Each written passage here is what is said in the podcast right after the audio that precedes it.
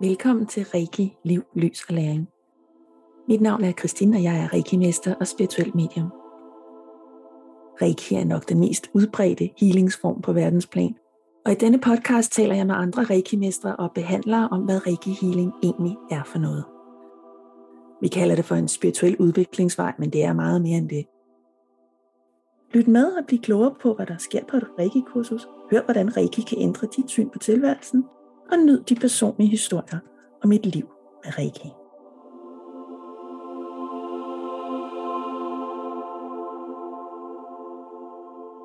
Velkommen til, øh, til Christo, som er min kollega, min, min ældre kollega, uh, Reiki-mester-kollega, uh, som jeg har uh, kendt lidt lige siden jeg begyndte at gå i lære hos min uh, mester, uh, Hen Fritzberg.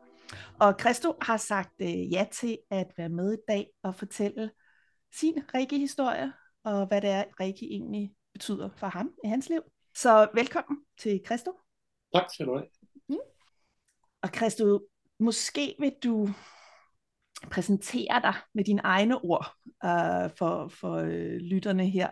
Det, uh, det ved jeg godt, og uh, hvad hedder det, ja, du ved, jeg er fra Holland, uh, så hvis, hvis, hvis der er noget, du ikke kan forstå, skal du bare sige til, ikke også? Ja.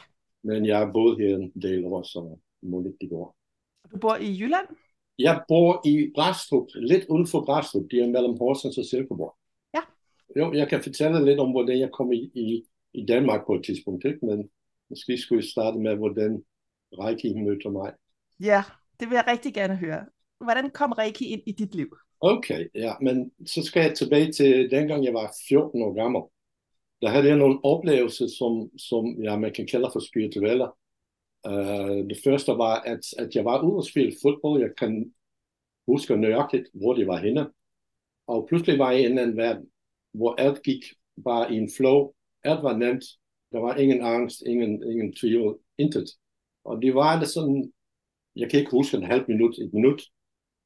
Og så blev lyset slukket. Og efter det tænkte jeg, wow, what the, hvad var det? Jeg troede, jeg var blevet syg eller sådan noget, men det var for, for smukt til at, at, at, at, at kunne være en sygdom eller et eller andet. Og i samme år, der er stadigvæk 14, der, der satte jeg en, en dag udenfor hos mine forældre, og kiggede på stjerner og var lidt overvældet af alt det store. Og pludselig kørte der en enorm dødsangst gennem min krop. Out of the blue. Ligesom man kan have kærlighed gennem sin krop, var det bare en enorm angst for at dø. Og, og ikke i morgen, men nu. Okay. Og, og så jeg, jeg var så bange, at jeg spurgte min far, om han ville sidde ved siden af mig, når jeg skulle til at sove. Og det gjorde han. Så det, det var jeg meget uh, ja, taknemmelig for stadigvæk. Men de, de, man kan sige, at, at uh, jeg begyndte at stille mig selv spørgsmål, hvordan kan det være, at jeg det ene øjeblik er i himlen, og det næste øjeblik har det så forfærdeligt dårligt, og er bange for at forsvinde. Så de, de begyndte min spirituelle rejse, fordi jeg begyndte at læse alt muligt om, ja, hvad der nu var tilgængeligt dengang, også med Erik von Däniken, med uh, Word of God's Cosmonauts, og, uh, øh, drømmetydning, meditation, healing, alt muligt. Og jeg begyndte øh, med, med at pendulere alt muligt, da jeg var 17-18. Og, og da jeg var 19, begyndte jeg med yoga, og 20, da jeg begyndte med at meditere, med transcendental meditation. Og så begyndte jeg også at læse Oshos bøger, dengang kaldt for, for Bhagwan. Og øh, da jeg var cirka 28 eller sådan noget, der besluttede jeg mig for at, at prøve Oshos meditation, dynamisk meditation kundalini meditation, fordi der bruger man sin krop til at rense ud så meget som muligt. Ikke? Og det var lige noget for mig, og jeg havde også øh, besøgt, jeg besøgte ham i USA, dengang han var i USA i 84. Jeg, jeg rejste mig i, i, i den tid, og havde været i Brasilien, hvor jeg fik meget kraftig impuls, at jeg skulle besøge min mærte, som var flyttet tilbage til Indien, til Pune. Og, og det gjorde jeg, øh, og, og det var der, hvor jeg mødte Reiki. Det var sådan lidt tilfældigt, eller du ved, hvordan de går med tilfældigheder. Jeg, jeg skulle have en, en session med, med, på, i ashramen, der kunne man lave alt muligt, ikke? Øh, og lære at tegne, eller engelsk for japanere, eller alt, alt muligt. Og jeg, skulle, jeg var interesseret i at få en, en session, en, en tid, hos en meget dygtig klaverjant der. Ikke? Og, og jeg gik til, det var sådan udendørs kontor, fordi vejret var altid godt der. Og øh, jeg spurgte, om jeg kunne få en tid hos hende. Og de sagde, at jeg kom tilbage om to timer, fordi det er ikke sikkert, at, at, at, at hun har tid. Uh, men der kan være, at der kommer en afbud her i dag. Så, og, og så kiggede jeg lidt rundt, og så så jeg sådan en, en, en eller anden, hvor, hvor der var en masse skilte, og der var et skilt, der, der stak ud, og der stod Reiki. Og så spurgte jeg, hvad er det for noget? Og så sagde hun, ja, det er noget med energi og noget med håndspålæggelse, og det starter et kursus i morgen, og der er en klasse tilbage. Og i de der to timer, i de der to timer, hvor jeg gik rundt og tænkte, ved du hvad, jeg skal bare med på de der kursus, jeg havde pengene med. Så, så da jeg kom tilbage, ja, der, der, der har jeg tilmeldt mig til kurset, og vi var, vi var 14 mennesker og sådan noget, og, og de var så i august 88, og jeg har brugt det siden, hver mm. eneste dag.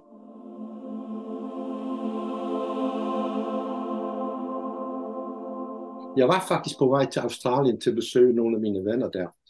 Og øh, jeg vil blive i Indien højst i tre, højst seks måneder. Så hørte jeg selvfølgelig om Reiki 2. Og så hørte jeg, at jeg skulle vente tre måneder, og det kostede 500 dollar. 500 dollar i Indien. Stort beløb. Dengang. Mange penge. Ja. Jeg kunne have blevet et halvt år mere. Eller sådan noget, men, uh, jo. og, men, men det sjove er, uh, dengang uh, vi skulle tømme vores forældres hus, der fandt jeg et brev, som jeg havde skrevet efter række 1 til mine forældre, at nu har jeg fundet noget, som jeg kommer til at bruge resten af mit liv. Wow. Jeg vidste det bare, og jeg vidste, at jeg var kommet til at undervise i det. Efter række 1. Jeg vidste det. Jeg godt sådan, okay, det her, det er mig. Så du blev der i Indien i tre måneder, og brugte de 500 dollars? Jeg blev i Indien i 15 måneder. Ah, okay. fordi jeg begyndte at behandle hver eneste dag. Tre, så du fik, så pengene kom til dig, til Reikien? Uh, nej, nej, nej, jeg, jeg, jeg gjorde det gratis, fordi jeg vil, uh, okay. jeg vil behandle så, ma- så mange som muligt, for at få så meget erfaring som muligt. Ikke? Okay. Så jeg gjorde det gratis i starten i hvert fald. og, jo. Og på et tidspunkt, der fik jeg også sådan, uh, et brev fra min far, og, og at han uh, havde læst mit brev, ikke? og spurgte, om jeg kunne sende om fjernhilen. Og jeg tænkte, hvordan ved han det? Hvordan ved han, at man kan gøre det? Fordi du skal vide, at min far, han kommer fra en mega kristen familie. Mm. I Holland, der er de der, alle de der grene af protestantisme, som er langt værre end en I, I tell you. Fordi... er du opvokset i, i en meget... Øh, Nej, det var, det var, det var mild. Okay. Det var ikke fanatisk. Nej. Min far, han var fra en familie med 13 og han var den eneste, for eksempel, uh, der havde fjernsyn, fordi det var forbudt. Og det var forbudt at spille fodbold om søndagen, det var forbudt at cykle om søndagen i hans familie, ikke? Der, der hvor han kom fra. Men jeg begyndte at meditere i, hvornår var det, 77. Og han kunne sige, at jeg fik det bedre. Og han begyndte også at meditere. Okay. Ja, ret store ting, ikke? Ja. Så, så efter de der 15 måneder i, uh, i jeg udsætter de hver tredje måned. Der begyndte jeg at drømme om min far, at han var begyndt at blive gammel. Og så tænkte jeg, okay, så, så dropper jeg ideen om at optage til Australien. Jeg går bare til øh, hjem tilbage til Holland og, og, og se, hvad der er med min far. Og jeg kunne se, at han var blevet gammel. Og øh, jeg begyndte at give ham healing to-tre gange hver uge. Kørte jeg til, til min forældres hus. Og han var allerede klar, han lå på sin seng, så på tværs, altså der, diagonal, og så gik jeg omkring ham, og efter, efter nogen behandling, første gang, det var, det var utroligt, at jeg, der, jeg fik lov til at lægge mine hænder på ham, ikke? Og, og, og vi var aldrig så intime, jeg en, en hånd med fødselsdag, tillykke med fødselsdagen. Men så fik jeg pludselig lov til at lægge mine hænder på min fars krop. Og vi begyndte begge to at græde. Fordi det var så smukt, der var så meget lys, der var så meget kærlighed. Jeg kan stadig blive berørt. Ja, jeg er berørt af det nu, ja. Mm. Jo.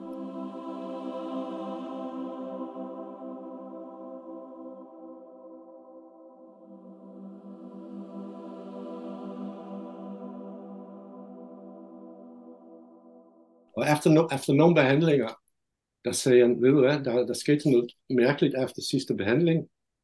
Altså, jeg lå på seng til at sove med din mor, og så pludselig kunne jeg mærke, at jeg var et lysvæsen. Jeg var bygget op af lys. Wow. Og så gik jeg ud af min krop, og så kunne jeg se mig selv ligge. Og så pludselig kunne jeg mærke et meget større lys bag mig, og jeg kiggede om, og så så jeg Jesus. Wow. Og, og så fik han at vide, at alt var i orden med ham. Ja. At der var ikke noget galt. Han havde ikke gjort noget galt i hans liv. Ikke også? Og at, at han var elsket, som han var. Og den der oplevelse, og nogle flere oplevelser, det gjorde bare, at, at han jeg begyndte at miste hans angst for at dø, som han havde haft hele sit liv også. Ikke også? Mm. Så det var, ja, det der med at kunne behandle min far på den måde, har været en højdepunkt, og han, han, har, han har også lært det hos mig på et tidspunkt. Han, han synes, han var for gammel til at lære det. Men efter jeg var blevet rækkemester, der havde jeg engang, hvor jeg havde en tilmelding af en kvinde på 78 og en på 80. Så sagde de til ham, og han sagde, ja, okay, jeg skal lige spørge din mor. og min mor sagde, ja, selvfølgelig skal du gøre det. Så ja. gjorde de med ham, og han lærte det også. Uh, men han, han, han foretrak, at jeg behandlede ham. Ja. Så det fortsatte jeg mig med to-tre gange hver uge, indtil jeg flyttede til Danmark. Og, og jeg flyttede definitivt til Danmark i 94. Og i, uh, i, i 94, men så begyndte jeg at sende fjernheling til ham, og det kunne han mærke. Ikke? Jeg sendte nogle gange til min mor også. Hun kunne aldrig mærke det, men hun fik det altid bedre dagen efter. Og alt mulige små smerter var forsvundet. Men hun så kunne aldrig mærke noget, mens jeg gjorde det. Hun kunne mærke effekten af det, men hun kunne ikke mærke modtagelsen. Ja. Præcis. Ja. Ja. Men min far kunne mærke det. Ja. Min far kunne mærke det, jo. Ja. Men det er stort det her med, at når vi giver til vores forældre, eller, eller de der nære, og jeg kan, jeg kan godt genkende øh, din beskrivelse og også din berørthed, når du fortæller om at give til din far. Og jeg får lyst til at dele, at ja. min, min mormor blev meget, hun blev 99 år og 9 måneder. og, wow. hun var, og hun var en, en sur gammel dame til sidst, der egentlig ikke kunne forstå, hvorfor hun skulle være her stadigvæk, for hun gad ikke, og nu ville hun godt videre. Ikke? Men, men øh, de sidste år af hendes liv var det så heldigt, at jeg boede tæt på hende sammen med mine, mine børn. Jeg har, har tvillingpiger, Ja. Øh, og øh, de har også reiki i deres hænder. Øh, det fik de, da de var ret, øh, da de var otte år. Og øh, når vi så kom og besøgte Olle, så kunne, vi give, så, kunne vi, så kunne jeg lægge hænderne på hendes hoved og hendes skuldre, og pigerne kunne have hænderne på hendes knæ og sådan. Ikke? Og det var, det var der noget ret smukt i.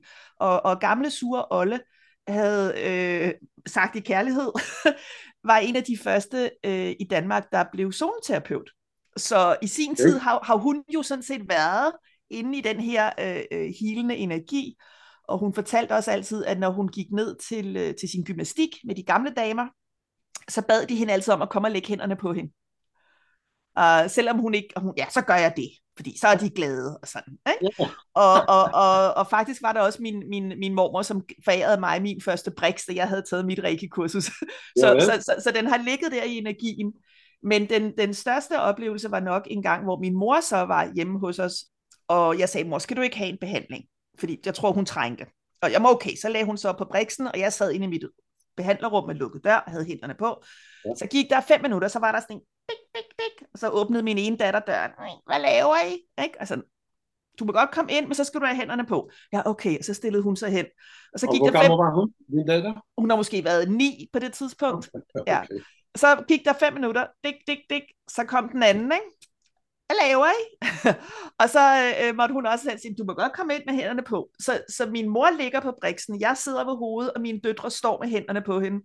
Og jeg var sådan helt, tårerne løb ned af kinderne på mig, og sådan helt, wow, hvad er det lige, vi laver nu her af, af, mellem generationerne og healingen, og øh, man rører ved hinanden på en helt anden måde. Ikke? Jo, jo, og jeg fik en helt en intimt forhold til min far. Ikke? Han, han var en god mand til at starte med, Ja. Men, men, men indtil han gik på pension, uh, ja, han, han har været lærer i 40 år, ikke? Så, og hvor han har måttet lukke ned for, for hans mere sensitive side, men, men da han begyndte at, at, at have pension, der begyndte han virkelig at smelte. Ja, og, og du har været øh, medvirket til at sætte ham i forbindelse med en, med en højere bevidsthed, en højere tilstedeværelse, ikke? Lige præcis. Uh, ja, ja. Jo. Jo, de sagde han også, ikke? fordi han var lærer, og han ønskede altid, at en af hans børn, syv børn, jeg har seks søsken, Okay. uh, uh, skulle være lærer. Og på et tidspunkt skulle han opereres ved sit øje, og det var altid mig, der kørte ham og hentede ham.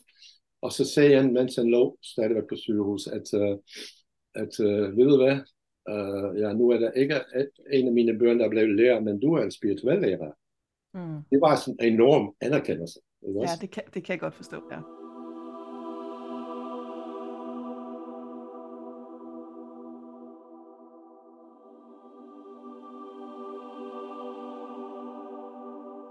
for at gøre de færdige, færdige med min far. I, hvornår var de 95, der, der boede jeg her i, uh, i Danmark. Ikke? Jeg var gift med en dansk kvinde, og, uh, og, og jeg fik at vide fra søskende, at nu gik de ned og bakke med min far. Ikke? Nu var han kommet på sygehus, og lægen vidste ikke, om de var dage, uge, måneder. Og så jeg kørte til Holland for at, at bare være sammen med ham. Jeg havde planlagt at være der to uger. Jeg gik der hver dag, og ja, ikke engang hele. Jeg var der bare, ikke? Og havde rundt på. Øh, men det var bare kærlighed. De, Ja. meningen ska- er kærlighed. Det er kærlighed og hele. Ikke også? Og jeg kan huske, nu skal jeg passe på ekograf igen. Dengang jeg, øh, jeg, jeg spurgte lægen, øh, hvor lang tid kommer de til at vare? Jeg havde været der i to uger, og jeg havde planlagt nogle kurser derhjemme i Danmark. Ikke? Og han sagde, ja, det kan være dage, det kan være måneder, fordi han har en stærk krop. Right? Mm. Og så jeg tog chancen for, for at, at køre hjem til, til Danmark, men jeg skulle lige forbi ham. Det var en af de dage, hvor han ikke kunne tale. Og, øh, men så begyndte jeg bare at snakke til ham og takke ham for livet, ikke? og for hvad han havde gjort for mig. Ja. Og han, han begyndte at græde. Mm. Det gjorde jeg også selvfølgelig.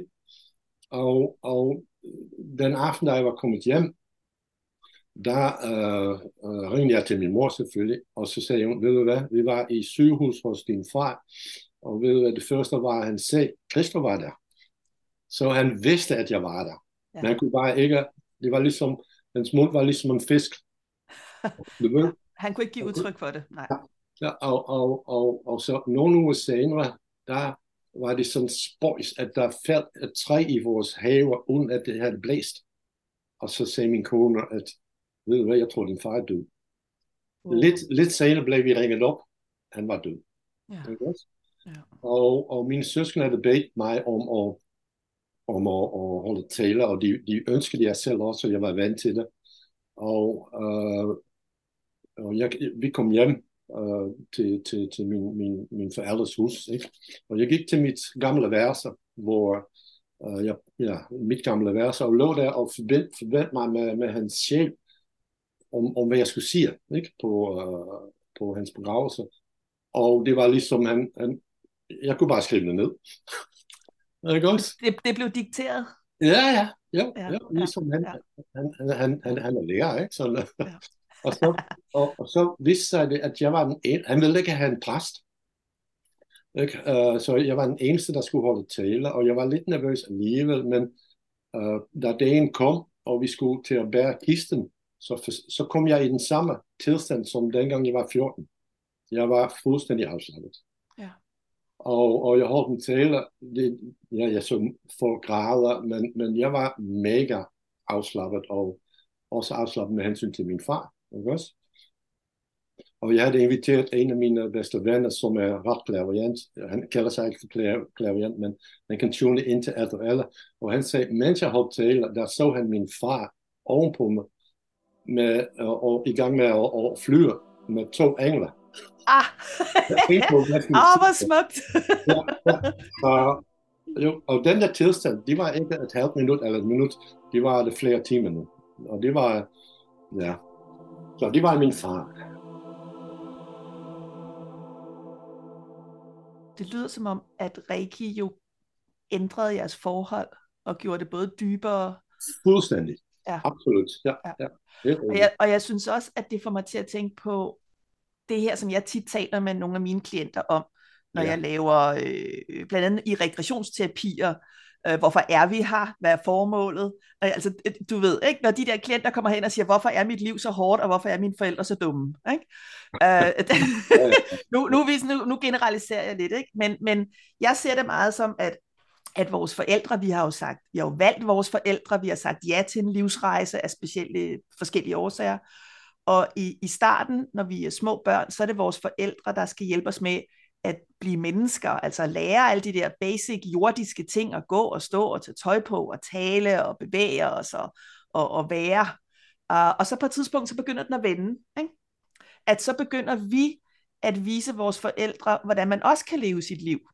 Nogle gange i kraft af, hvad de har lært os, andre gange på trods af, hvad de har lært os. Jo, jo. Og, og, og det her med, at, at du kan komme hen og give din far den, det her lys og kærlighed, som, som Reiki er, øhm, hvor han kommer fra en, en opvækst med en, med en meget streng religion, er jo virkelig at vise, at man kan også have det på en, på en helt anden måde. Ikke? Jo, jo men det er, det er en, en af de uh, mest taknemmelige erfaringer, jeg har haft med Reiki. Ja. Reiki i det hele taget for mig, også når jeg behandler her hjemme, ikke? eller har gjort i alle dage. Jeg bliver altid gennemstrømt af taknemmelighed.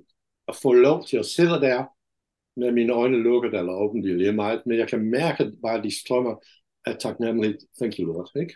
Tak. Ja. ja, men det rigtigt, den der med, tænk engang, ikke? tak, at jeg tak, kan sidde tak. her og ja. lægge hænderne på mig selv eller på andre, ja. og så er jeg forbundet, og så kan jeg give alt det her videre. Jo, jo, jo. og så kan, så kan andre leve af det. Ikke? Ja. Jeg, har, jeg har kunnet leve af det fra starten af. Ja. Ja. Så det er jeg ja. stadigvæk taknemmelig for. Ja, men det er rigtigt. Taknemmelighed er, en, en, er også for mig også en stor del af det. Ja. Jo. jo. Ja.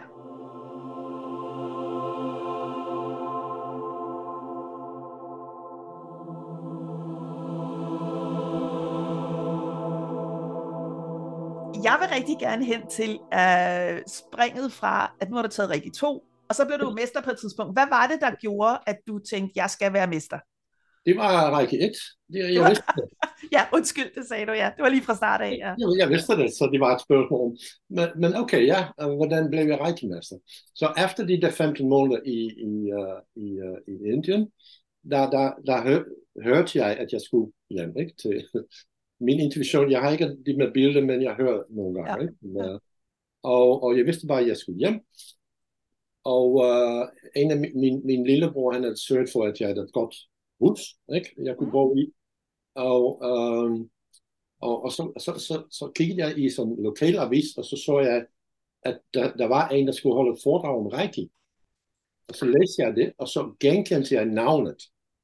Fordi det var en, som jeg havde boet sammen med, da jeg var i starten af 20'erne, og i et bogfællesskab, uh, hvor vi alle dyrkede transcendental meditation okay. i Rotterdam i Holland. Ikke? Så jeg ringede til, til nummeret, og det var ham. Så jeg har inviteret ham til at holde... Helt, helt tilfældigt. Fuldstændig. ja. Og det, det var næsten på god afstand af, af hvor jeg var, at den, at den holdt tale. Uh, men så, så har jeg inviteret ham til at holde foredrag og, og nej, kurser lige med sammen uh, i, mit, i mit hjem. Og det gjorde han, og, og der var altid mellem 10, 12, 14 mennesker der. Og og så, så kom jeg i, i lære, kan man sige. Uh, og, og, og det var i halvandet år. Um, og, og jeg kørte til, til ham, han boede midt i Holland, og jeg boede i Rotterdam. Og uh, vi var sammen en hel dag. Der gennemgik vi alle de praktiske ting, hvordan holder man foredrag, uh, hvordan forklarer man omstillingerne, uh, forbindelse mellem, mellem, mellem symptomer og, og baggrund, ikke, hvor de kan stamme fra, den slags ting. Og på et tidspunkt var der ikke mere, jeg kunne lære. Og, og uh, Dick Nysen, du kender ham, går jeg fra? Eller? Prøv at sige det igen. Dick, Dick Nysen. Ja, ja. Kender og hans kone, Ariane Flumfeldt. De var nogle af de første rækkemester i Holland, så de havde okay. masser af kurser. Og, og jeg, øh, jeg var med på de fleste af dem som hjælper. Mm. Og jeg kan huske, at, at da jeg selv ved siden af, af Dick specielt, hold kæft, hvor, hvor, hent, hvor, hvor hent han alle de der svar fra? Er det godt? ja. Det er brilliant. Og, og, og jeg tænkte øh, selv, det var jeg aldrig kunne. Det er godt. Men efter halvandet år, øh, jeg havde lært alt, hvad jeg kunne. Og, og så var det et spørgsmål om, så har vi, så har vi sat en dato øh, nogle måneder senere. Uh, og jeg vil gerne gøre det på min fødselsdag i, uh, i uh, 91, ikke også? Men det, han er meget praktisk, så han sagde, ja, hvis vi nu gør det uh, den 29. august, så kan vi holde et kursus lige bagefter, dagen efter. Sådan, så du kunne undervise lige bagefter, eller? Lige med det samme, ja. Fantastisk, ja. Ja, ja og det blev så, ikke? Sådan, uh, og, og uh, ja, det var den 29. august 91, mm. og så havde vi arrangeret et kursus, hvor der kom fem gennem mit netværk, og fem gennem hans netværk, og de var i mit hjem dengang. Og jeg skulle afholde den første guided meditation, hvor folk holder hænder og... ja. Og så snart jeg åbnede min mund, kunne jeg mærke, det her kan jeg godt. Ja, så kom var, det bare til dig, ikke? Du var jo i flow, var du var i, i energien. Ja. Jeg var fuldstændig afslappet, og, og ja, nu har jeg undervist i de der, hvad er det, 32 år eller sådan noget. Og ja, jeg føler mig bare som en fisk i vandet. Ja. Godt? Ja. Det, er, det er min passion, min kærlighed. Jo. Jeg grinede af den her, du sagde med, hvor alle de der svar, hvor har han alle de der svar ja, ja, ja, ja. fra, hvor ved han alt det der fra, ja. ikke? Uh, fordi jeg kan godt sidde der i cirklen nogle gange på et kursus, og så bliver der stillet nogle spørgsmål, og så kan jeg sidde og tænke, nå, den var interessant, den har jeg ikke fået før. Og så går der lige de der sådan et, hmm, 10 sekunder, og så kommer svarene jo. Ja, ja, ja, ja, ja. Og det med, at, at vi ligesom bliver lukket på en, en højere kanal, hvor vi kan trække på, ja, vi ved en masse, vi har stor erfaring, fordi vi har været den der mesterlærer, men vi har jo også adgang til en større viden, føler jeg. Ikke? Ja, det, det, det er jeg helt enig i. Jeg, jeg ved ikke, ja. om du også har oplevet det. I, i, i starten, indtil for nogle år siden, der startede jeg altid fredag aften, ikke? Mm. Og jeg kunne mærke, at nogle timer inden, at hele min krop begyndte at blive varm. Ja. Mine hænder begyndte at blive varme. Mine, ja. Ja, nu har jeg haft hele uh, varme hænder, varme fødder hele mit liv, men de var som brandvarm-agtige, ikke? Så jeg ah, jeg er allerede gået i gang. Ja. og nogle ja. gange også med meditationer, at man bare videregiver, hvad man hører, ikke? Sådan, uh, hvad, at man virkelig føler sig i en flow. Så, ja. ah.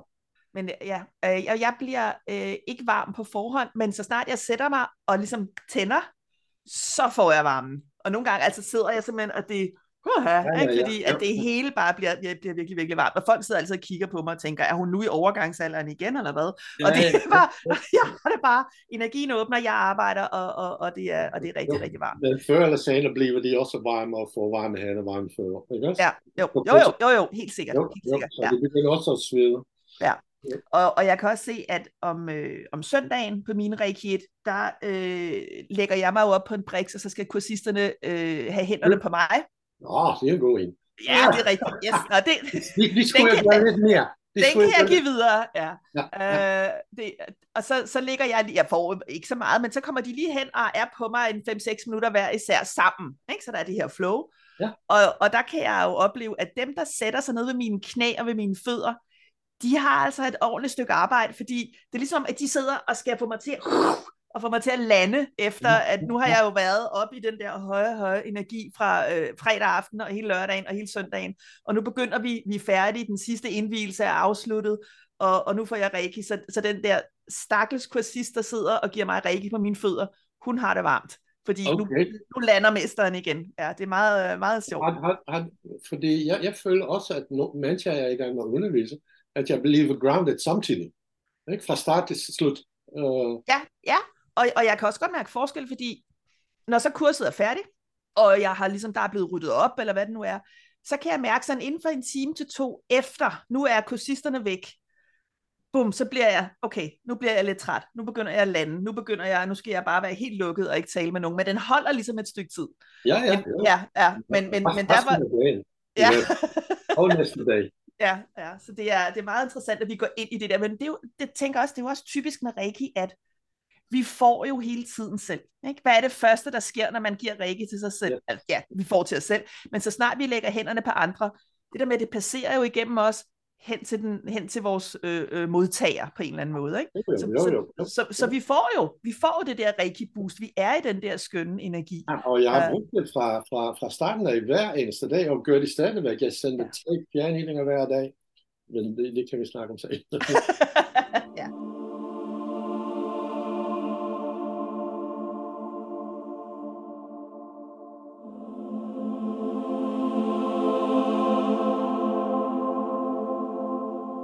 Nå, så du blev mester i uh, 91, var det det, du sagde?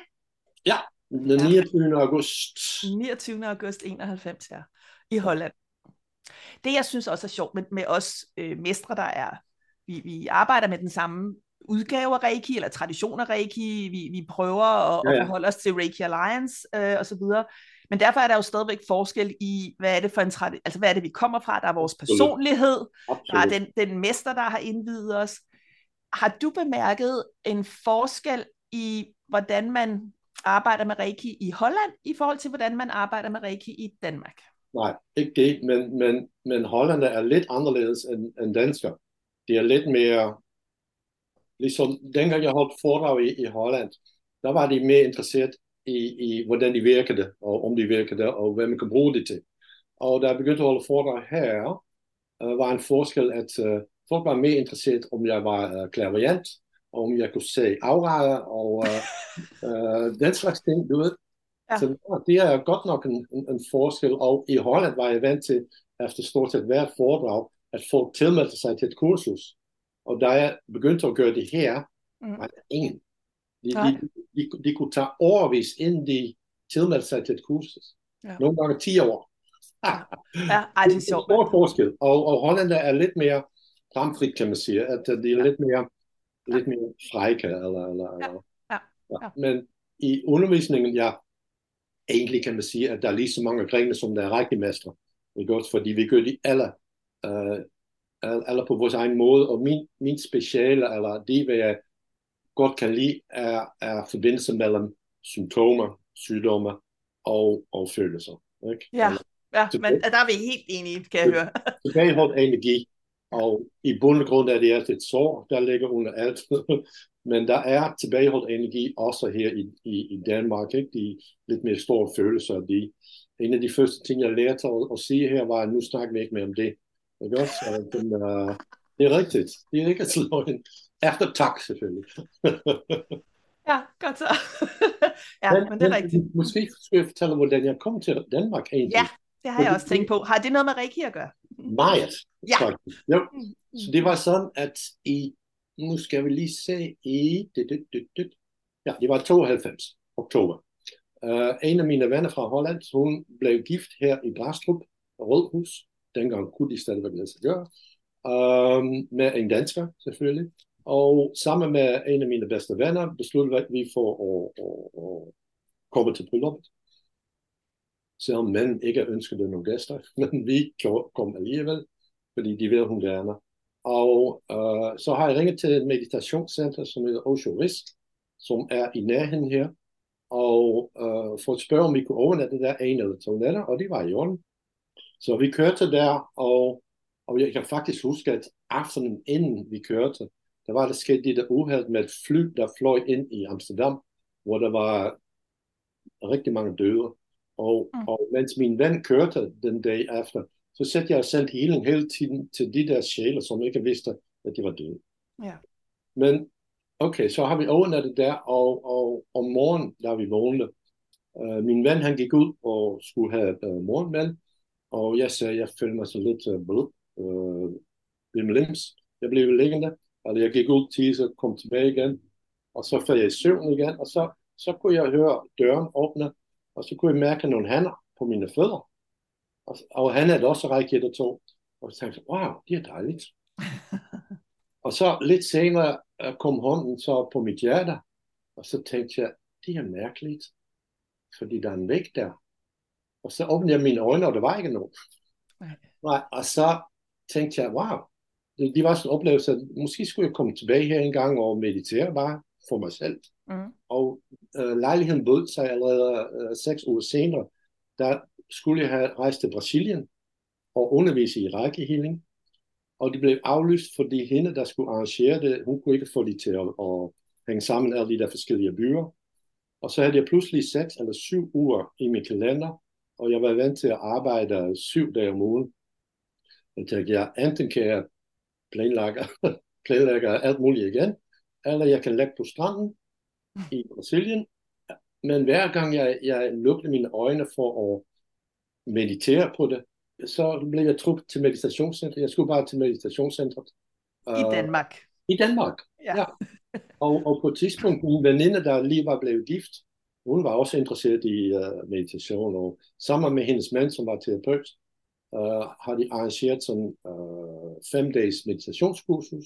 Så jeg nah, det er en god undskyldning til at, at kom til Danmark, fordi efter de fem dage kan jeg så gå til meditationscenter, og så finder jeg nok ud af, hvorfor jeg skulle være der.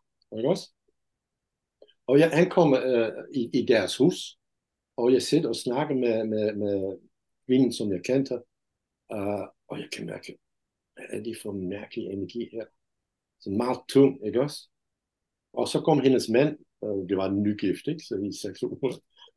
Og så blev energien ikke særlig bedre. Blev rigtig tung, tung. Og jeg tænkte, jeg gider ikke være her i fem dage. Og den nat kunne jeg ikke sove. Ikke? Og det var ved 3-4 tiden, at jeg faldt i søvn. Og, og lige med sammen fløj jeg ud af min krop til meditationscentret fem minutter længere. Og så okay. snart jeg landede der, der var jeg hjemme. Og det skete tre gange. Og så troede jeg på det. og så næste dag, uh, der var der en meditation klokken syv, og, og jeg prøvede at samle mod for at sige, at jeg, jeg går igen, fordi jeg kan ikke lide det her. Ikke? Og de vil ikke sagt, at jeg kan ikke lide det her, men jeg føler, at jeg skal være der på centret. Så, så jeg gik en tur i stedet for, da jeg kom tilbage, der havde jeg samlet mod til at sige det. Ikke? Og da jeg kom på risk på meditationscenter, uden at ville få, lige med det samme, jeg slappede af, og jeg førte mig hjem. Og det var der på risk, hvor jeg mødte min, min fremtidige ekskone, som jeg plejer at sige det. Ja. Og, og ja, jeg begyndte at, at, at køre frem og tilbage mellem Holland og Danmark uh, hver anden måned, sådan cirka. Til sidst var jeg mere i Danmark end i Holland, og jeg prøvede at holde nogle foredrag på engelsk, og, og det gik behandlinger. Så, så det er på den måde, at jeg, at jeg havnede her i, uh, i Danmark, og jeg elsker at bo her. Mm. Jeg prøvede efter min skilsmisse, har jeg prøvet et år at bo i, i Holland igen, men jeg kunne ikke lide det. Det er her, du skal være. Ja, ja det er her, jeg skal være. Og der var der åbenbart nogen, der virkelig prøvede at overbevise dig om, at det var... Er du sindssygt? Sådan var det, ja. men, ja. Men, men jeg har også en stor, stort hoved, ikke? En stor mind, eller vi skal, vi skal lige, uh, jeg skal lige overbevises. du ved, jeg, jeg plejer at sige, først så visker de, så råber de, og til sidst så tager, ja, lige præcis så tager de den der store hammer, og så, duf, ikke? Og, og, og nogle gange skal vi have den et par gange, den der store hammer der, for vi, for vi hører efter, ikke? Ja. Det er lige præcis det samme som, som hos mig. Ja, ja, ja, ja. Jeg kan godt høre, at vi har nogle, øh, vi har nogle fælles, øh, vi har nogle ligheder. ja, ja.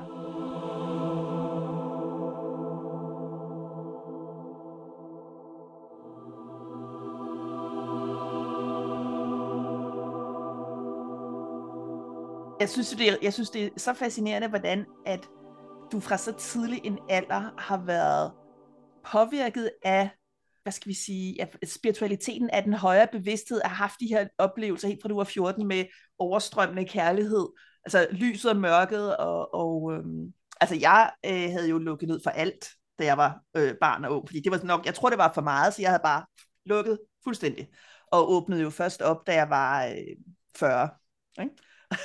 Okay, ja. Men jeg har så til gengæld taget revanche, må man så sige. Du, du har indhentet lidt. jeg, har indhentet, jeg har løbet rigtig hurtigt bagefter. Ja, ja, ja. ja, ja. ja. Jo, jo, men faktisk min spiritualitet er startet endnu tidligere. Ikke? Okay. På, på et plan, men mere ubevidst. Og, og så skulle jeg fortælle en historie, som er meget reiki-relateret. Ja. Uh, inden jeg blev reikimester, der arrangerede for min reikimester, for Dick Nielsen, i, i min lejlighed i Rotterdam. Og på et af de der række to kurser, der viste han en øvelse, at man kunne sende healing tilbage i tid. Ikke også? Mm. Mm. Og det havde jeg ikke let på mit række to. Ah. Jeg tænkte, nå, det er interessant. Så jeg beslut, besluttede at, at sende selvfølgelig healing til mig selv som 14-årig, ikke? fordi jeg havde haft de der oplevelser. Og, og jeg er ikke så meget til at se ting, men jeg så mig selv som 14-årig selv og lave lektier på mit værelse og så åbnede døren, og så kom jeg ind som voksen, og begyndte at, at, give healing til mig selv som Ej, hvor smukt. år. Ja, ja, og jeg kunne bare mærke, mens jeg satte der på den stol som voksen, at, at kærligheden flød bare igennem. Så, mm. wow, det her, det her virker. Og det kan jeg da sagt, at hvis der er en af øvelserne, som, som, som, hvor du kan mærke, at de virker, gør dem nogle flere gange, op, op til tre uger. Mm. Så jeg var indstillet på, og sende healing til mig selv som 14-årig i et stykke tid. Ja. Så jeg, jeg startede med det dagen efter, og hvad der så skete, var, at jeg begyndte at drømme om min første kæreste hver eneste nat. Okay. Og at Og, jeg og hvor gammel var du, da du havde den første kæreste? 14, næsten 15. Ja. Og, og, og uh, det var mig, der havde gjort det forbi. Ikke?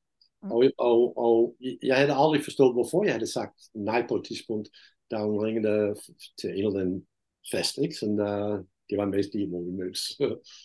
og jeg er mand, og, og jeg vidste, at der var en st- stærk impuls til at besøge hende. Og hendes forældre boede stadigvæk i nærheden af, hvor mine forældre boede.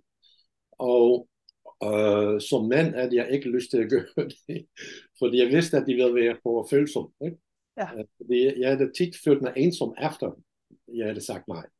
Og, og jeg var bange for, at det ville dukke op. Så jeg, jeg gjorde mit bedste for at skubbe det til side og feje det under tæppet. Ikke?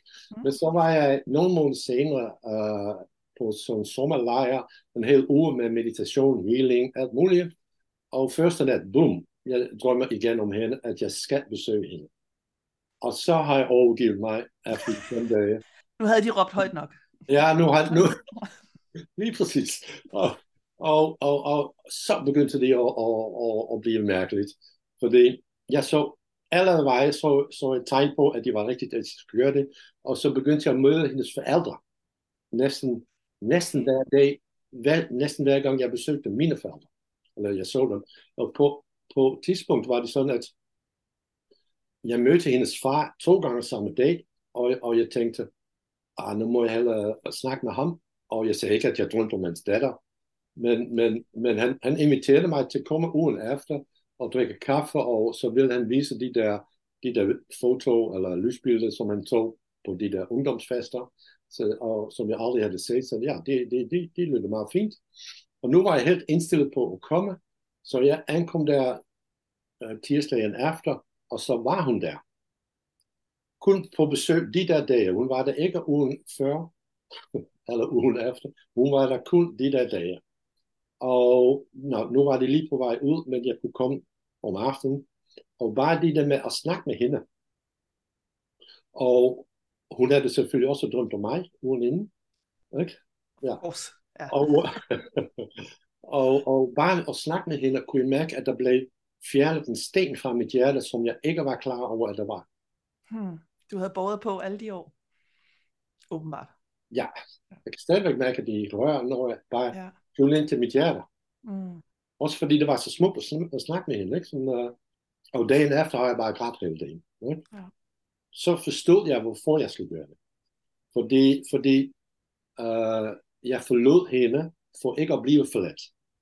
Og de har, de har bragt mig tilbage til, til, til en episode, som, da jeg var spilbarn, to måneder gammel, der var jeg døende. Og jeg lå på sygehus alene i tre måneder. Så jeg har følt mig forladt af min Mm. mor og Mm. alle eksistensen, Gud, who knows. Um, ja, da jeg begyndte at få kæreste, så fandt jeg på alle mulige måder at sabotere det på.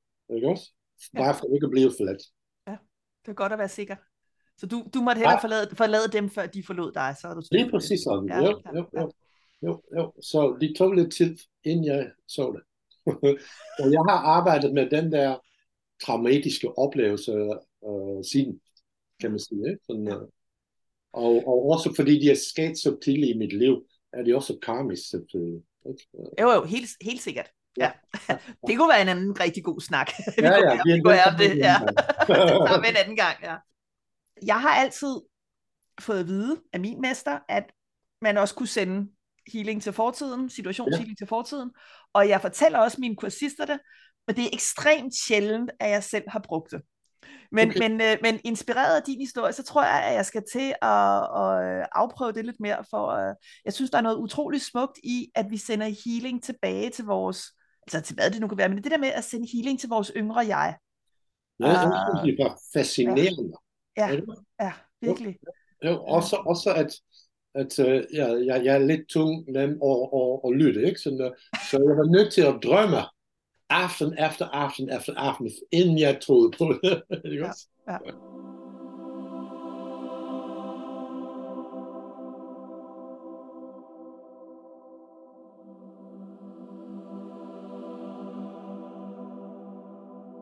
nu er det jo blandt andet, vores Reiki-snak her er jo blandt andet, fordi at du er, er Reiki-mester, ligesom, ligesom mig, og øh, at jeg synes, det kunne være spændende at få nogle af de her forskellige historier fra de forskellige Reiki-mestre, sådan så at folk kan, kan høre, hvor forskellige vi er, selv, selvom det stadigvæk er det, det samme.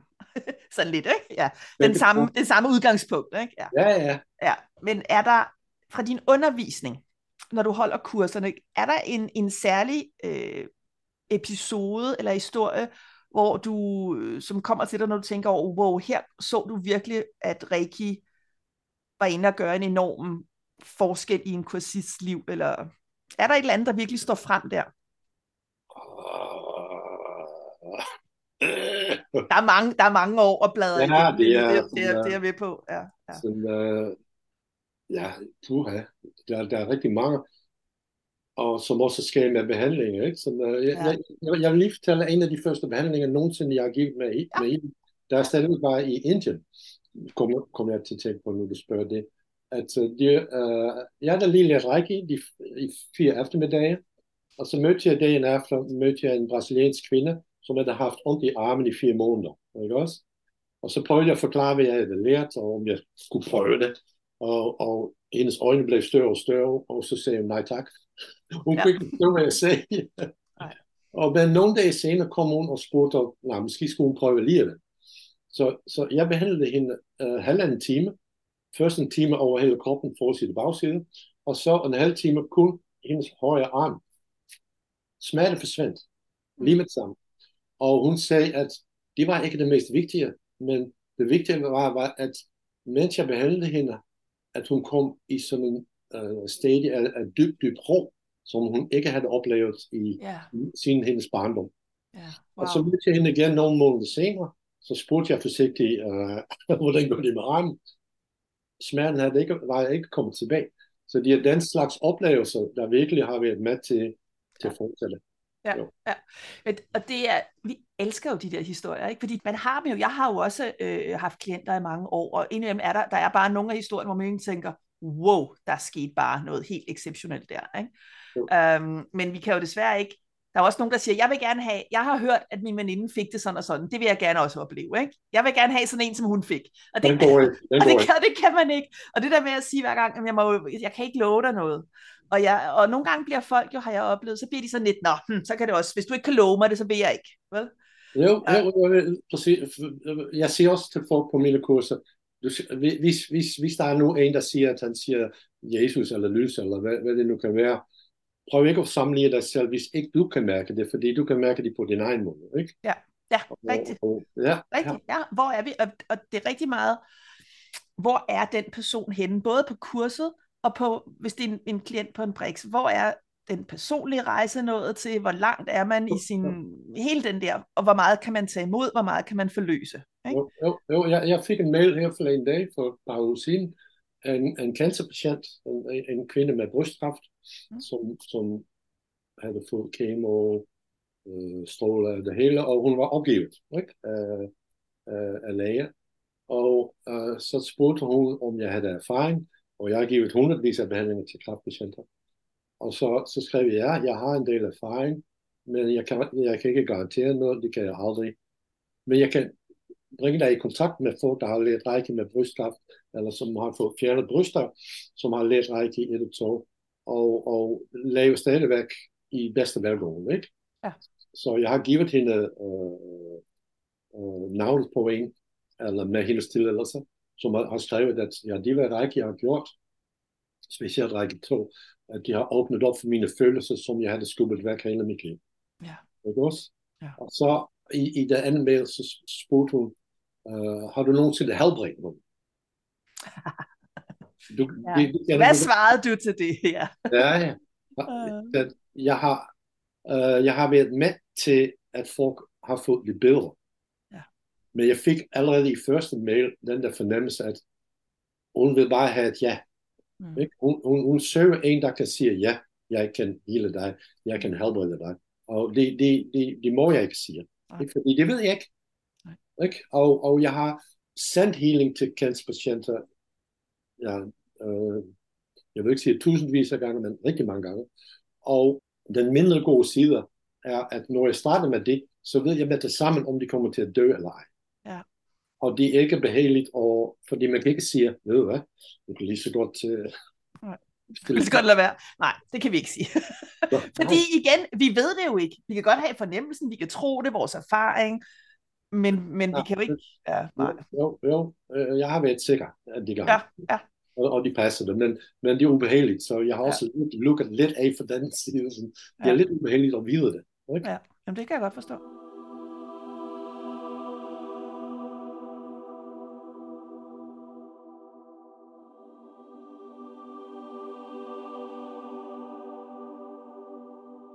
mange søgende personer vil jo netop gerne have den der bekræftelse fra healeren, fra reiki-mesteren, at du kan hjælpe mig.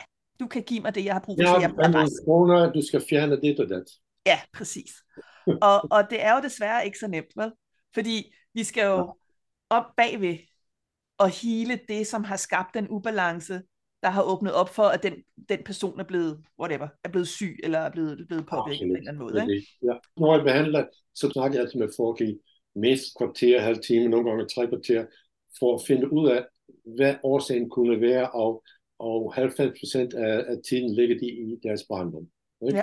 Ja, hvor, ja hvor, men, rigt, men rigtigt. Hvor, ja. hvor, hvor i familien, alkoholiker, skilsmisse, ja. død, alt muligt. Ikke ja. også? Ja. ting. Og man kan godt have haft et godt barn, en god barndom, ligesom jeg har haft, men alligevel kan det være sket ting og sager, som ikke var særlig godt for et barn. Ikke også? Som at ligge alene på sygehus. for eksempel, og det gjorde man jo i, i der for nogle år siden. Ikke? Der, var jo, øh, der var jo en helt anden opfattelse, det der med, at, at øh, hvad der var godt for barnet eller ej. Ikke? Så små var, børn lå alene på hospitaler, og der var, var jo pleje. Det var ikke tilladt at få forældre være der. Nej, og der har jo været nogle enorme svigt. Altså fra barnets side har det været fuldstændig uforståeligt, jeg er her helt alene. Ikke? Jo, jo, fordi et barn skal være også sin mor. Ja. Og jeg laver jo også øh, regressionsterapier, øh, fosterterapier. Ikke? Ja. For mange år siden, da vi, var, da vi blev født, da vi var børn, så tog man jo de her børn væk. Man tog de små nyfødte babyer væk fra moren. Ikke?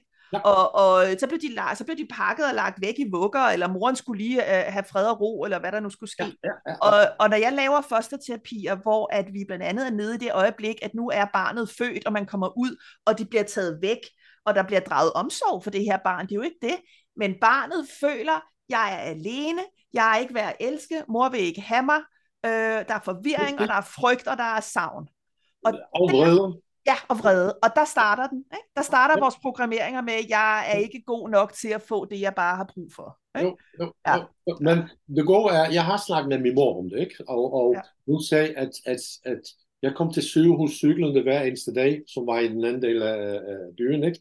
Mm. og hun havde fem børn mere på dette tidspunkt. Ikke?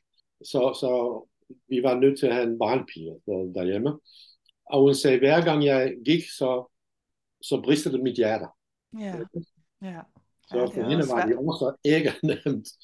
Men, men bare at få den der snak har virkelig givet en, en, en afslappning omkring det, ikke? Og med, i, i forhold til min mor. Og så var det sådan, at, at fordi jeg har følt mig så forladt også af Gud, ikke?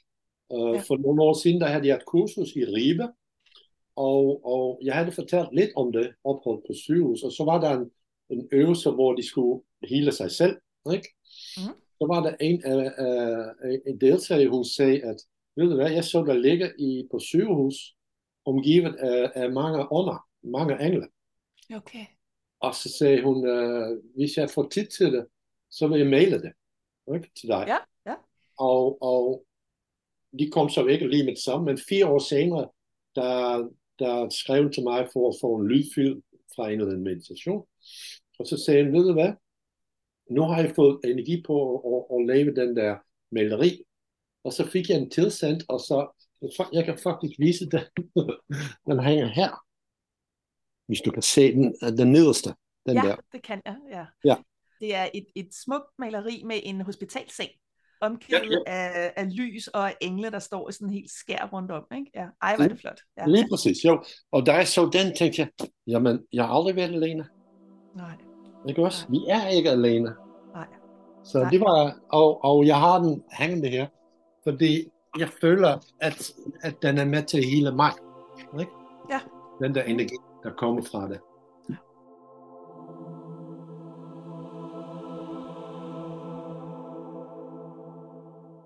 Men jeg, jeg har 10.000 vis af historier. Du spurgte noget om kurs. ja. jeg, jeg kan starte med en fra Holland. Ikke? Sådan, uh, der kom en mand til et foredrag, som jeg holdt. Og uh, efter foredrag, der, der kom han til mig og sagde, at han havde haft et biluheld fire gange i træk. Han var businessman, ikke?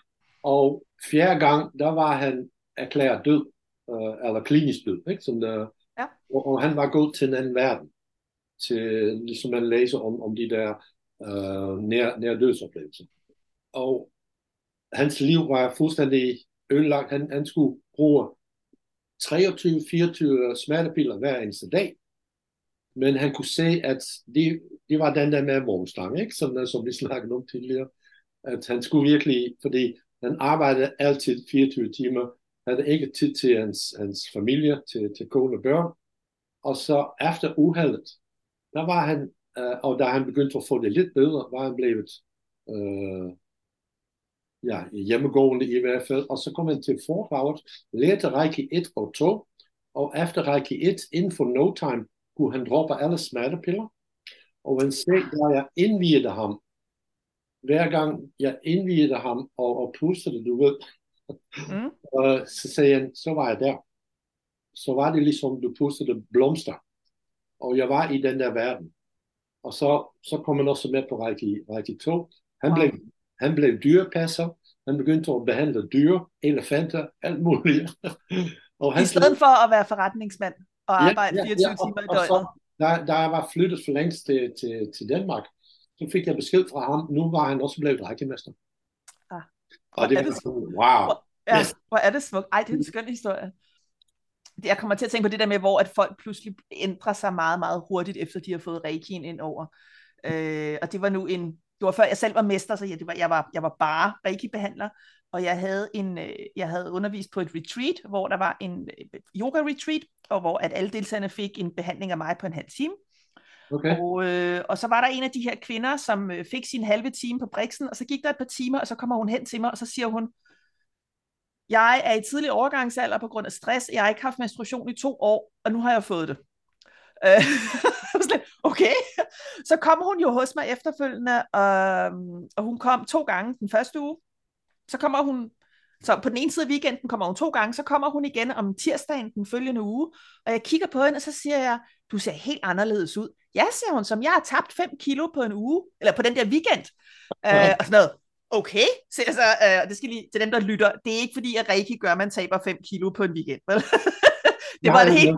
Nej, men, men, men for hende havde det jo gjort, at der var så meget stress i hendes krop, der havde sluppet.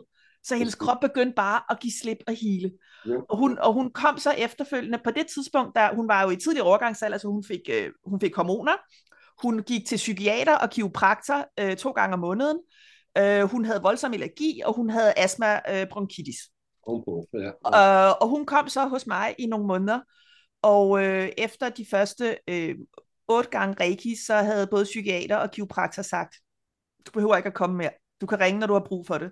Og, hun, og hendes overgangsalder stoppede. Hun var kun i, i start 40'erne eller sådan noget. Ikke? Ja. Øh, og hendes allergi blev mindre. Og efterfølgende tog hun jo så Reiki hos min, øh, Reiki, der tog hos min mester. Um, ja, ja. Og, øhm, og jeg synes altid, det er sådan en smuk historie, fordi al den der stress og pres, hun havde i sin krop fra barndom, hvor hun havde været udsat for nogle ting, der havde, øh, havde påvirket hende. Ikke? Det, virk, det, det gik så hurtigt, og det ja. havde så stor effekt øh, på, på alle. Ja, ja, men det, det er, at du nævner med det der med menstruation. Der, der er stadigvæk var i Indien og lige havde lært det, ikke? Jeg kendte det brasilianer, fordi, fordi jeg havde boet der en overgang, ikke? I mm. Brasilien. Mm. Og på et tidspunkt kom der en kvinde, uh, hun havde ikke haft menstruation i, i lang tid, hun var ikke gravid. Men jeg gav hende en healing, og bum, næste dag. Uh, så virkede det igen. Ja. Og så sendte hun sine veninder, som også havde problemer med deres menstruation. Ja. Ja. Så ja. pludselig var jeg specialist i det. Og, og, og, ja. og ved hvad, øh, for, for at gøre den der historie med ham manden færdig, ja. uh, hans forsikring betalte hans kurser. Okay, ej, fantastisk. Fordi de så, at han var blevet rask. Ja. Ikke også? Og, ja. og det, var, det var en stor ting. Ja. ja det må jeg sige. Ja. At kunne være med til sådan noget, ikke? Ja. Ej, men det er, det, og det giver også den, eller for mig, ja, taknemmelighed, men også en ydmyghed over for, hvad det er, vi arbejder med, ikke? og hvad der er, hvad der er muligt. Ikke? Uden at vi nødvendigvis behøver at forstå, hvordan de virker. Jeg, jeg kan huske en af de første gange, jeg sendte fjernhealing. Ikke? Jeg havde lært, øh, ja, jeg, jeg havde lært det i Indien, men fjernhealing, det var noget, som jeg kun brugte til mig selv. Ikke? Øh, jeg var mere interesseret i de andre teknikker. Men da jeg kom tilbage i Holland, der blev jeg venner med en klaverjant, som havde uh, sagt 10 år tidligere, at jeg var kommet til at arbejde med healing. 10 år tidligere, ikke? Sådan mm-hmm. Og så blev jeg gode venner med hende, også privat. Og på et tidspunkt spurgte hun, kan du også sende på med, med fjernhealing? Fordi hendes oldebarn, hun var lidt ældre, uh, kvinde fra Indonesien, hendes oldebarn uh, var begyndt at tisse i seng, 7-8 år gammel, eller sådan noget. Og så sagde jeg, jeg lærte det, men jeg bruger det kun til mig selv. Uh, men jeg vil gerne prøve det, hvis det er ok for hendes forældre. Så jeg snakkede med moren, og det var helt i orden. Jeg havde set pigen også på, på, på privat et eller andet. Så jeg vidste, hvordan hun så ud. Ikke at det er nødvendigt, men nu havde jeg et billede, og mm. jeg aftalte, at jeg ville sende fire gange fjernhealing til hende. Fire aftener i rap klokken 9, når hun gik i seng. Og, og det, jeg kunne mærke i mine hænder, var, at der var spænding mellem hendes forældre. Ja. Og at hun ikke var i stand til at græde, øh, men hun græd på en anden måde. Ikke også? Og, og så blev jeg ringet op af, af min ven, øh, klavianten, ugen efter, at, at hendes øh, barnebarn havde ringet og sagde, at der var sket et mirakel, at, øh, at Priscilla, som hun hed, hun var blevet tør efter en behandling af et kvarter. Wow, ja. Og så tænkte jeg, okay, ja. de her virker. Og siden dengang har jeg brugt fjernhealing hver eneste dag. Og nu ja. også hver, hver morgen klokken halv ni sender jeg healing til min jæse, som er blevet lammet lige pludselig fra den ene til den dag. Okay. Jeg er 19 år gammel, og så sender jeg til en af mine bedste venner, også i Holland, som hans, hans, hans land er sådan halvt ødelagt. Og, uh, og så om eftermiddagen, der, der udveksler jeg healing med en god veninde også fra Holland, hvor den ene dag sender jeg til hende, den anden dag sender jeg, uh, bliver jeg sendt til. Ikke? Sådan, uh, det har jeg gjort i tre år, hver eneste dag. Og så hver uge, uh, der udveksler jeg healing med to venner her i nærheden live med hende. Mm. Mm. Så jeg bruger det rigtig meget i min hverdag. Dit liv er jo Reiki, lyder det til. Dit liv er Reiki. ja. Kunne, du, øh, kunne du overhovedet forestille dig, nej, det var et dumt spørgsmål, men jeg skulle til at sige, kunne du overhovedet forestille dig, at, at, du ikke, at Reiki ikke var en del af dit? Altså... Nej, nej, det kan jeg ikke forestille mig. Nej, nej. Det er, øh, ja, det er, det, det er meget fascinerende.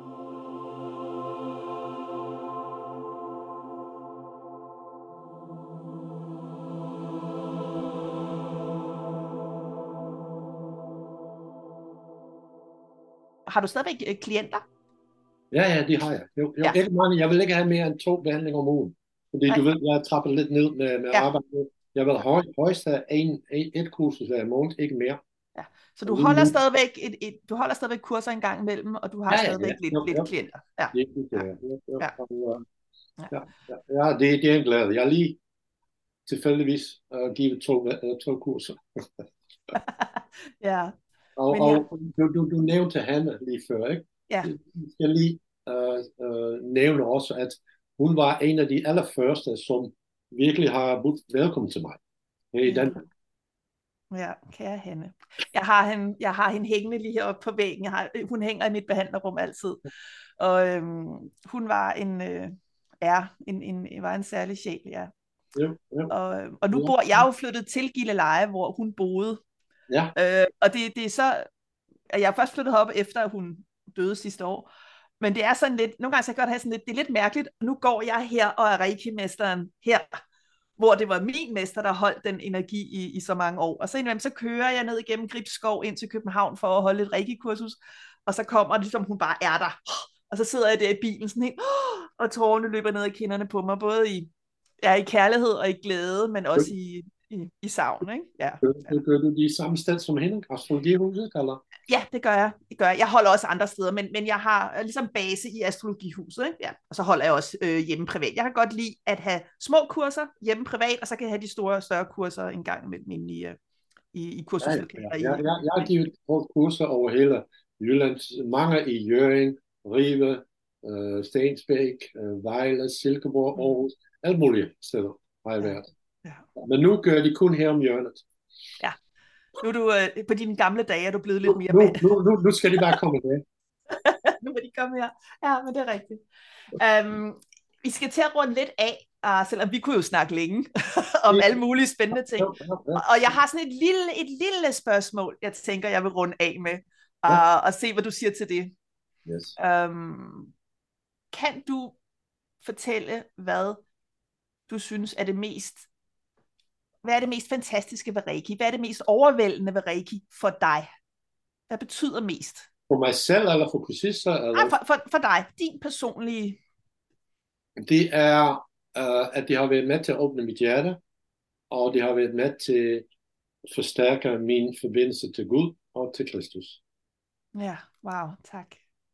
Det, der kommer jeg så alligevel til at stille et spørgsmål mere, fordi jeg har, øh, jeg har på, for lang tid siden, så gør den der kort, jeg var på et hospital for at give, øh, give reiki til en øh, klient, øh, patient, der var indlagt med en jernblødning, Yes. og øh, jeg er booket ind i journalen, og alt er, som det skal være, og så kommer der en sygeplejerske, der ikke har set, at jeg skal være der, og spørger, hvem jeg er, om jeg er barnebarn, og så siger jeg, nej, jeg er hendes healer, og, og så viger den her dame, hun tager sig til sit kors om halsen, og viger tilbage, og, og, og siger, jeg er katolsk opdraget, og meget troende, og det der må jeg slet ikke beskæftige mig med.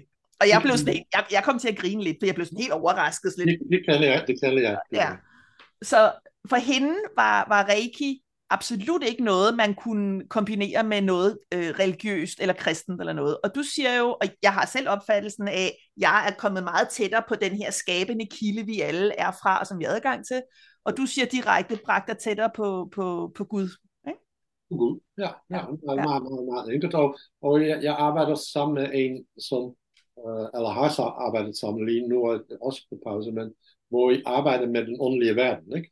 Ja. Og hun er sådan en, der ser alt muligt. Ikke? Og, og jeg er god til at kanalisere. Mm. Så når jeg inviterer for eksempel Kristus eller Osho, eller, så kan hun se dem. Ja. ja. De, de popper op lige med det samme. Ja. Også? Og hun kan se mange, mange flere ting, men, men og, og, og min bedste ven, han, han sagde også alt. Ja, han, han kan tune ind til alt mellem himmel og jord. Ikke? Og, og jeg, jeg, jeg, jeg, jeg stoler på dem. Det er gode mennesker. Hvorfor skulle jeg fylde på det? Men hvis, hvis, hvis min far havde sagt til hans søskende, at han fik healing, Ja. ah, der var, så var det også Så- det. ja. Ja, ja, fordi de har djævelens arbejde. Ja. Jamen det er, og, og øh, bare du siger det, så får jeg sådan en helt kuldegysning af det her med, at det er djævelens arbejde, ikke? Fordi det er, det er lys, det er kærlighed, det er øh, flow, der er jo ikke, Reiki kan ikke gøre noget galt. Der er ingen negative bivirkninger, det er bare lys og healing og, og flow. No, no, nogle gange bruger jeg sådan billeder, som, som jeg tilfældigvis har på her, øhm, på, på, på Facebook, ikke? Sådan, øh, Ja. Så Du, du viser din trøje frem, ja. det er hvem det er. ja, det, og, er Kristus. og, og, og, så, og så er der nogle gange sådan nogle, øh, kan du ikke fjerne de der billeder, fordi øh, de er kun Jesus, der kan hele. Og så, så siger jeg, men Signe, hvornår kan man have patent på Kristus? Ja, Ja, ja, ja, ja. ja, ja det, det, ja, ja. Det, det, det, jeg kan også godt lide, at jeg har fået navnet Kristus, ikke? Sådan, øh, Christo, ja. så jeg, jeg, jeg kan have lidt mere, jeg kan prale lidt mere. Ja, ja. Og jeg hedder Christine. Ikke? Ja, præcis. Altså, øh, og få nogle... Det, Hvis- det, det der er lidt... Hvis, hvis der er nogen, der kan claime ham. Så er det også... Ja. Men jeg tror også, at det er... Øh, jeg har lært, fordi jeg er også opdraget eller opvokset i, i en familie, hvor at far var formand for menighedsrådet, og vi gik i søndagsskole, og, og det var ikke sådan, fordi det var striks, men, men det var sådan en del af det. Og det gjorde så, at jeg tog meget afstand fra det på et tidspunkt, for jeg ligesom kunne komme tilbage igen på, på min egen måde. Yes. Og, og for mig har det været vigtigt at flytte det ud af Bibelen, altså flytte det væk fra Bibelen, til at være den her guddommelige kærlighed, det er. Ja, det er Frem, frem for, at det er et, et testamente, der er blevet skrevet ned af, af nogle fortolkninger osv. Ikke? Men øh, er nonsens. ja, ja, præcis. Altså, ja. Men det, er, øh, det hele hænger jo sammen.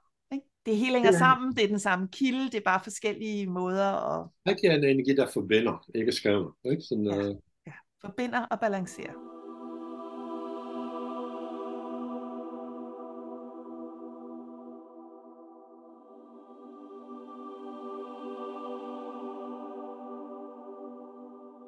Som afslutning, så vil jeg jo gerne bede dig, ligesom jeg beder de andre mestre, jeg interviewer her til podcasten, om at sige de her fem leveregler. Så i, i Reiki-traditionen, Usui Shikiri-Yoko, som vi, som vi arbejder med den i Reiki Alliance, så har vi jo blandt andet de her fem leveregler, som man siger, at Usui ligesom øh, øh, bragte videre til sine studerende, for at, at give os anvisninger på, hvordan vi skal leve vores liv. Ja, der er nogen, der siger, at, at han har lånt dem fra den daværende kejser. Men, men... Ja, ja, det er rigtigt. Kejseren skrev mange digte, det er ja. rigtigt. Ja. Uh, og, hvad, hvad tænker du? Om, om, det er, om han har lånt dem fra kejseren, eller om det er nogen, han har lavet? Ja. I, jeg var ikke der, så jeg ved ikke. Nej, nej. Godt så. Måske, men de er smukke. Ja, ja, og, ja. og det, kan, det kan også være, at Hawaii Takata, kvinden, som har introduceret det i Vesten, at hun har uh, hun har måske tilpasset dem en lille smule til amerikanerne. Lidt det ja. amerikanske samfund. Ja, det, det tror jeg også helt sikkert. Sådan, Fordi så der, i, i Japan er det en selvfølge, at man respekterer sine øh, ja. forældre. Ikke? Lige præcis, lige præcis. Det, det siger jeg også altid, Christo. Ja. ja, men øh, øh, altså, inden vi siger helt farvel, så vil jeg gerne bede, bede dig ja. om at, øh, at sige levereglerne højt, sådan som du har lært dem oprindeligt. Ja, okay, men så bliver det på engelsk, fordi jeg har ja. lært dem på engelsk.